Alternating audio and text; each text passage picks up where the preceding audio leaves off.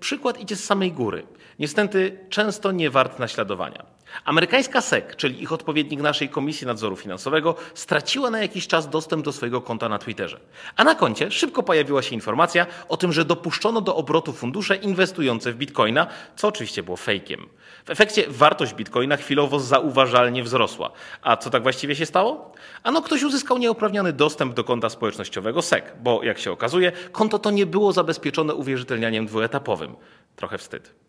Więc jak zawsze do znudzenia, jeżeli tylko macie możliwość zabezpieczenia swojego konta w jakiejkolwiek usłudze drugim składnikiem, po prostu to zróbcie. Ale ciężko przekonywać do dbania o swoje cyberbezpieczeństwo, kiedy